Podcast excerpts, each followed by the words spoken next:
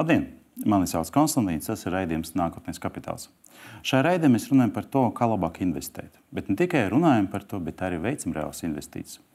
Mēs sākam otru sezonu, un kopā šajā sezonā būs ļoti daudz dažādu izmaiņu. Tāpēc kopā ar mani šodien ir Raivis Vilons. Sveiki! Uh, Raivis Delfa biznesa raksta par investīcijiem, un viņam ir pietiekami interesants idejas par to, kā labāk investēt. Labāk nekā man. Jo mans plāns bija investēt uh, aptuveni 24,000 desmit gadu laikā, lai panāktu 36,000. Kā man veids pa šo laiku? Par to pašu sākumu. Sākšu ar to, ka es turpināju investēt, un nu šo brīdi es investēju jau 900 eiro, bet man ir jāatzīst, ka joprojām mans kopīgā kapitāla vērtība ir mazāka par šiem 900 eiro. Uz šo brīdi tas ir 881 eiro un 13 centi. Sanāk tā, ka mans ienesums tagad ir mīnus 2%. Ja mēs paskatīsimies tā, kā performē mans portfels, tad man ir jāatzīst, ka nav tik labi kā SP 500 reitingam. Bet par to es jau runāju pagājušajā gadā, un joprojām ir, ir, ir sekas tam, ka es nopirku vienu akciju, un šīs akcijas kritums bija ļoti liels. Kas par akciju un kas bija kritums? Pēc pāris minūtēm. Bet pašā sākumā es gribu pateikt arī par to, kā gāja SP 500 reitingam. Pa šo laiku SP 500 indeks izauga nebūtiski par mazāk nekā 1%, bet tomēr pēc visas Ziemassvētku rallijas un pēc tā, kā Amerikas centrālā banka paziņoja par, par to, ka būs šogad vēl vairākas reizes pacelta kredita likme, tad bija gan pieaugumi, gan kritumi, ko mēs arī redzam pēc šī grafika. Bet tomēr mēneša laika ir neliels pieaugums. Visu šo laiku es mēģināju sabalansēt savu portfeli, un tad, ja decembrī sākumā portfelis bija ne, ne īpaši sabalansēts, bija ļoti daudz investēts tieši banku sektora un mediju sektora, tad tagad uh, es tuvojos ideālu situāciju. Taču joprojām banku sektors ir tas, kas, kas ietekmē ļoti būtiski tāpēc, ka banku sektorā atrodas Tinku bankas akcija. Un šī viena akcija būtiski ietekmē, tāpēc, ka viņa veido vienu devitu daļu no visa mana portfeļa. Un tāpēc, ja mēs tagad paskatīsimies uz tā, kā mainās akcijas vērtības, tad mēs arī redzam, ka Tinkova banka, diemžēl par visu šo laiku, nevis atnesa man kaut kādu plusu, bet tieši samazina manu portfeļu vērtību par veselu 31 eiro. No otras puses, nav tik traģiski, jo no 16 pozīcijām 8 ir plusa un dažas arī pietiekami laba plusa, jo viņa aug. Ja mēs paskatīsimies, interesanta situācija notika ar Mastercard un ar Vīzu. Jo it kā divas, divi uzņēmumi no viena sektora, bet vienlaicīgi sanāk tā, ka Mastercard aug tad, kad vīza ir neliela minusa. Laba lieta, ka vīza arī pēdējā laikā sāk augt, un šis minus samazinājās, bet kaut kur rudenī mēs runājam par to, ka bija grūti izvēlēties vienu no šiem uh, uzņēmumiem. Tāpēc es nolēmu tajā laikā investēt abas divas. Un bija prognoze par to, ka parasti segmenta investori izvēlas līderi, tādu kā vīza. Bet te, ko mēs redzam, ka tieši Mastercard aug. Kas vēl notika ar manu portfeli? Īsa lieta notika starp Apple un Microsoft. Arī faktiski divi uzņēmumi no viena un tā paša segmenta, bet mēs redzam to, ka Microsoft rudenī uh, rādīja ļoti labus rezultātus, bet tomēr ir mīnusa tad, kad Apple akcijas uh, iet uz augšu. Uh, tas, protams, ir saistīts ar to, kāda brīdi ir pirkums.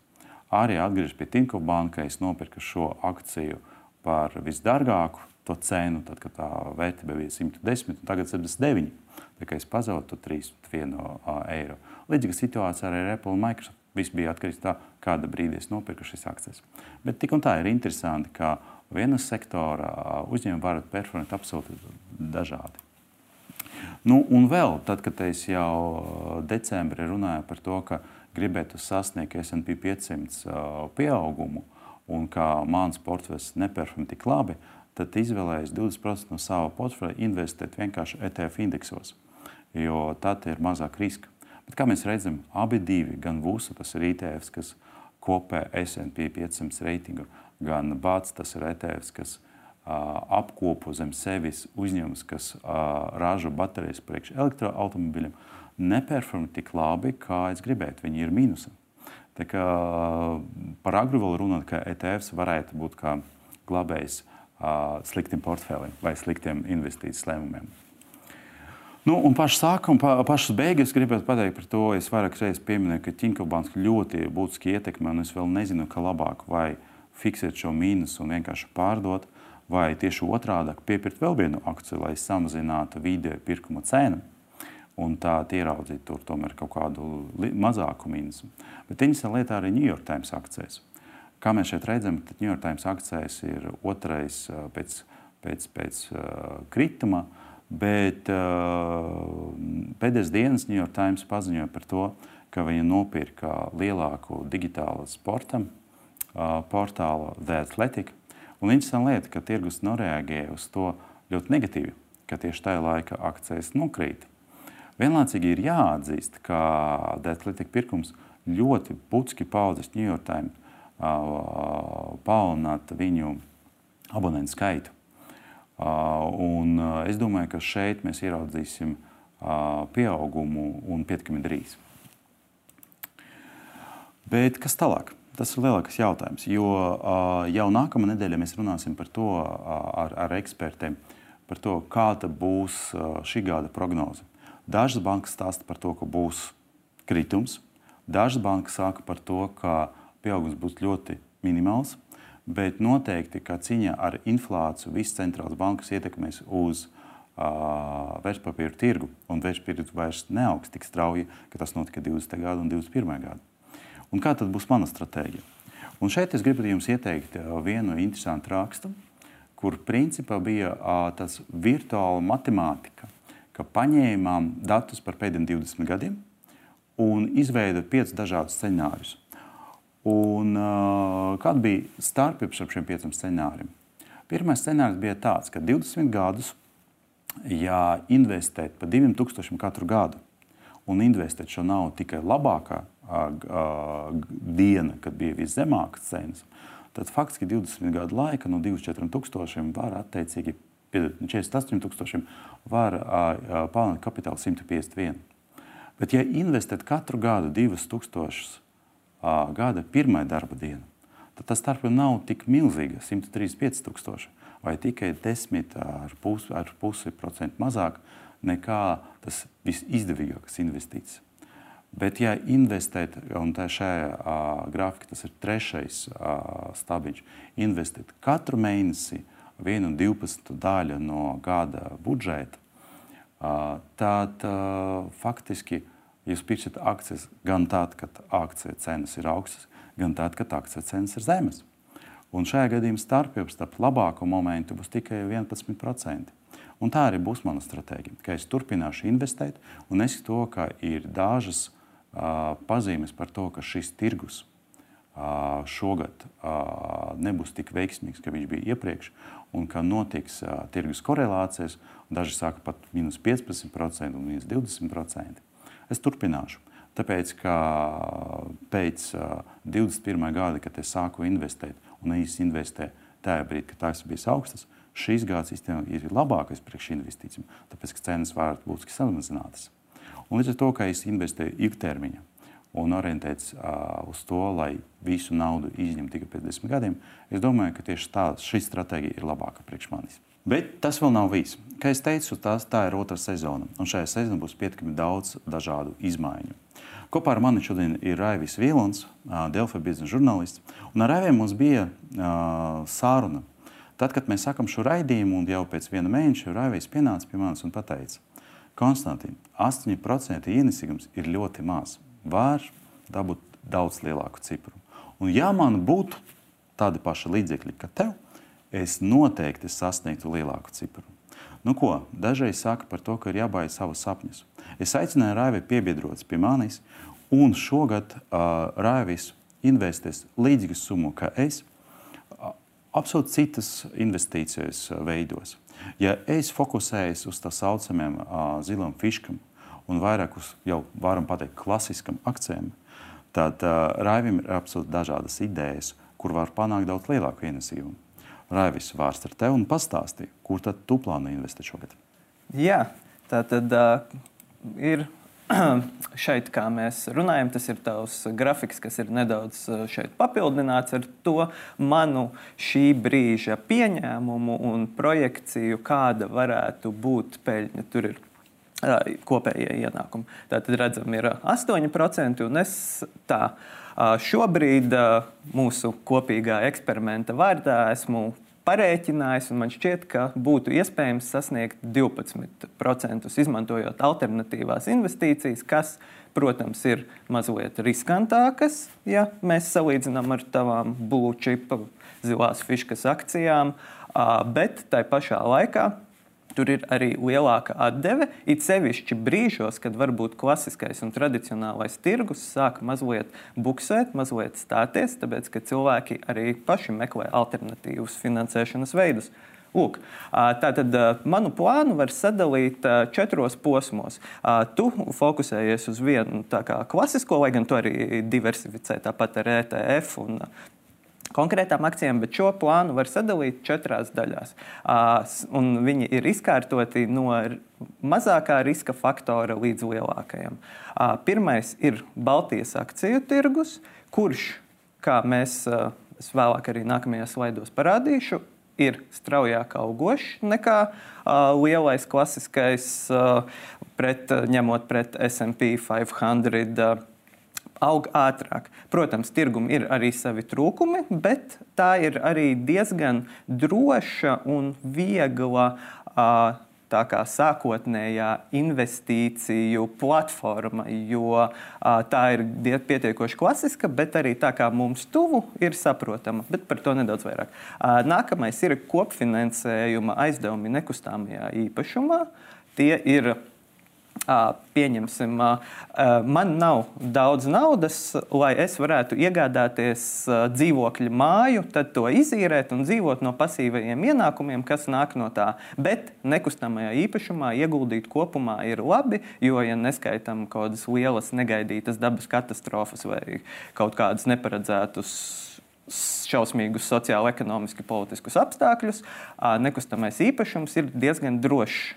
Tāpēc ir šīs koplietošanas, kopfinansējuma aizdevuma platformas, kas ir pēdējos gados, nu jau patiesībā te jau desmit gadus radušās pateicoties gan finanšu tirgus atvieglojumiem, regulāciju atvieglojumiem, gan tehnoloģijām, kur cilvēki var kopā kā, samest savu naudu, lai caur dažādiem rīkiem ir daudz šo piedāvātāju, kas piedāvā šādas iespējas, varētu finansēt nekustamo īpašumu. Tātad nākamais ir kopfinansējuma aizdevumi dažādiem mērķiem. Šis jau kļūst mazliet riskantāk, tāpēc ka šī nozare mēdz būt saistīta arī ar ātriem kredītiem. Bieži vien tie kredīta devēji, kas izmanto cilvēku samesto kopfinansējumu naudu, mēdz aizdot ātrijos kredītos. Tur ir lielāks risks, tāpēc ka Uh, nu, kā mēs zinām, ātrā kredītu tirgus un tam līdzīgi aizdevumi ir riskantāki. Tad arī investoram, jebkuram arī tādam kā man, ir lielāks risks, ka var nākties gaidīt ilgāk vai varbūt pat nesaņemt savu naudu. Un tad ceturtais, kas ir ar visu lielāko potenciālo ienesīgumu ir kriptovalūtas. Par tām ir daudz runāts nu, jau pēdējos gados, un tas ir ļoti volatīvs tirgus, tas ir ļoti ļoti strauji mainīgs. Bieži vien tas neseko tradicionālajai tirgus loģikai, bet tai pašā laikā tur ir lielas peļņas iespējas. Un kā pēdējie gadi rāda, tomēr nav gluži tā, ka tas ir pilnīgi neparedzams tirgus.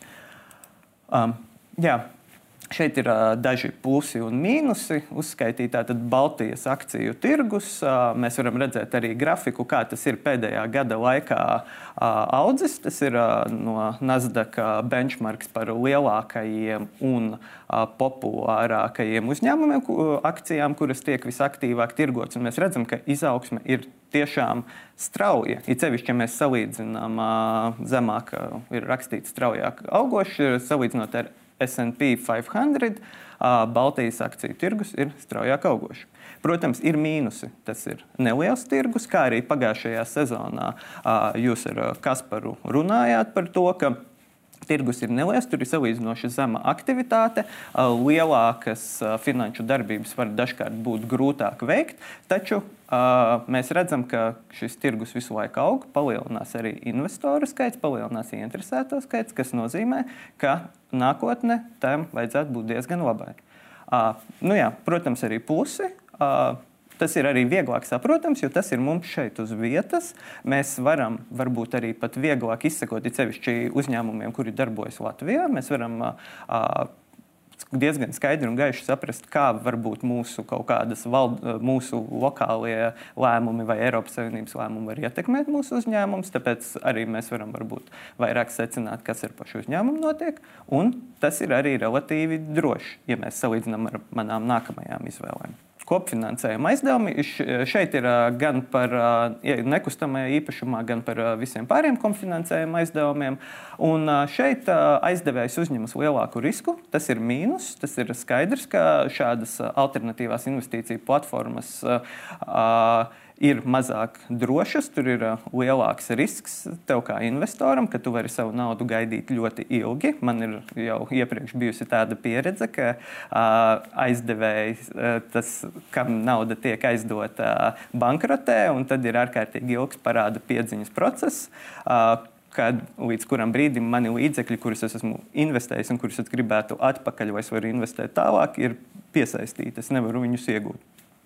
Lielāks mīnus ir tas, ka tas prasa iesaisti lielāku, varbūt iespējams, nekā klasiskais akciju tirgus. Ja mēs nerunājam par spekulēšanu ar akcijām, bet tādu ieguldīšanu ilgtermiņā, tad šis prasa lielāku iesaisti. Ir jāizvēlās, kur, kādos ir pašam jāizvēlās riski, un par to ir vairāk jādomā plusi ir lielāka vidējā procentā deve. Tas ir atkarībā no platformas un atkarībā no kam tieši tiek piesaistīti, bet tas svārstās no 9 līdz 16 procentiem apskatot tirgu piedāvājumu un aizvadīto gadu statistikas, kas jau ir nedaudz vairāk nekā tas, uz ko tu mērķē. Uh, investēt var sākt ar dažiem peles klikšķiem. Tas varbūt neobligāti ir pats lielākais pluss, bet tas tomēr ir svarīgi sevišķi uh, jauniem investoriem, cilvēkiem, kuriem nav pieredze, nu, tādiem kā man. Arī plaša izvēle. Ir Pēdējos gados ir parādījušās ārkārtīgi daudz šādas platformas, kurās tad var izvēlēties, kādu platformu izdot, kādiem aizdevumiem savu naudu, un, protams, arī to, kāda būs tā atdeve. Ir riskantāki, mazāk riskanti. Un tad ceturtais ir kriptovalūtas pēdējo gadu karstākais un aizraujošākais, iespējams, finanšu tirgus jauninājums, kur vienā nakts laikā cilvēki nu, pirms pāris gadiem kļuva teju par miljonāriem, līdz sevišķi ar bitkoinu. Bet, protams, ir mīnus. Tas ir ļoti svārstīgs tirgus. Tas, kā jau iepriekš minēju, dažkārt visbiežāk patiesībā var nesakot tradicionālajiem tirgus un vispār varbūt pat loģikas principiem, jo viens sociālā mēdīja ieraksts, pieņemsim, no Ilona Maska, var šo akciju cenu sagraut. Un ne tikai to vienu konkrēto kriptovalūtu, par kuru Ilons Masks tvīto, bet var, kā mēs šogad vasarā redzējām, Ilona Maska tvīts par bitkoinu parāvu uz leju visas kriptovalūtas. Un lielais mīnus ir tas, ka šis nerada pievienoto vērtību. Ja klasiskajās investīciju pamācībās zelta atslēgvārdi ir tas, ka forši ir likt savu naudu tajā, kas dod pievienoto vērtību, atgriezenisko vērtību, kas aug, tad tu vari būt drošs, nu, piemēram, kā nekustamais īpašums. Tā ir vērtīga lieta. Kriptovalūtas ir digitālas, viņas dzīvo tikai datoros, un viņu vērtība principā nosaka tikai un vienīgi pašu lietotāju ticība tām. Bet mēs varam redzēt, ka šī ticība aug un pieaug arī to cilvēku skaits, kuri ir ieinteresēti un kuriem ir šī ticība kriptovalūtām. Tie arī ir plusi. Potenciāli liels ienesīgums, augoša tendence. Mēs varam redzēt, grafikā nav, šis nav bitkoina grafiks. Es ieliku speciāli bitkoina tuvākā sekotāja Ethereum grafiku, tāpēc ka viņš aizvadītajā gadā ir straujāk audzis.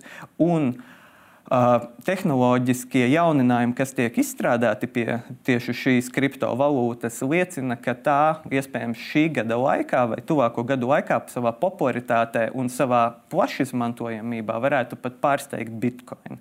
Tā kā šis ir viens ļoti ticams kandidāts, kurā arī es varētu investēt. Un, protams, tas, ka kriptovalūtas, līdzīgi kā kopfinansējuma platformas, ir salīdzinoši viegli investēt. Tur ir varbūt neliela izpratnes barjera, kura ir jāpārvar katram investoram, bet izmantojot pat telefona aplikācijas, principā ar pāris klikšķiem mēs varam viņas iegādāties, viegli sekot tam tirgumam, pirkt, pārdot. Bet, nu jā, tas, protams, ir viss spekulācija tirgus. Nu, ko es varu pateikt? Ļoti riskanti. Ļoti riskanti. Man jau par 40 gadiem es negribēju tā riskēt. Jo, kā jau teicu, es gribu investēt naudu, lai pēc desmit gadiem man būtu līdzekļi, ar kuru palīdzību es varētu atbalstīt savas vecākas meitas izglītību. Nu, šeit ir bitkoini, šeit ir, kā tu arī pats pieminēji, tas, tas co-founding platformas kur rezultātu pats arī pieminēja, ka var pazaudēt naudu. Ka arī Baltijas tirgus nav tas tirgus, kur ir ļoti vienkārši pārdot un, un pirkt akcijas. Tāpēc, ka pieprasījums varētu būt ļoti maziņš, kas nozīmē, ka būs jāgaida to brīdi, uh, kamēr parādīsies pircējs, kas gribēs pirkt tavas akcijas. Bet no otras puses man ir jāatzīst, ienesīgums te varētu būt lielāks. Nu, ko, mēs sākam otru sezonu. Šajā sezonā ar Raiva palīdzību mēs pētīsim jautājumu par visiem alternatīviem veidiem, kā pareizāk atvērt kontu, lai tirgotu bitkoinus, vai kā pareizāk atvērt un kādas akcijas pirkt Baltijas tirgu. Tāpēc nākamos raidījumus mēs runāsim ar ekspertiem, un dažus mēnešus mēs veltīsim vienai šai tēmai. Bet kas ir galvenais? Galvenais ir tas, ka Raivis arī investēs līdzīgas summas kā es, un katru mēnesi mēs atskaitīsim, kuram no mums veicas labāk. Lai jums būtu izvēle un lai jūs paši varētu izjust, kā pareizāk investēt. Paldies! Tas bija raidījums Nākotnes kapitāls. Mēs sākam jaunu sezonu, un tai būs daudz interesantāk. Tiekamies jau pēc nedēļas.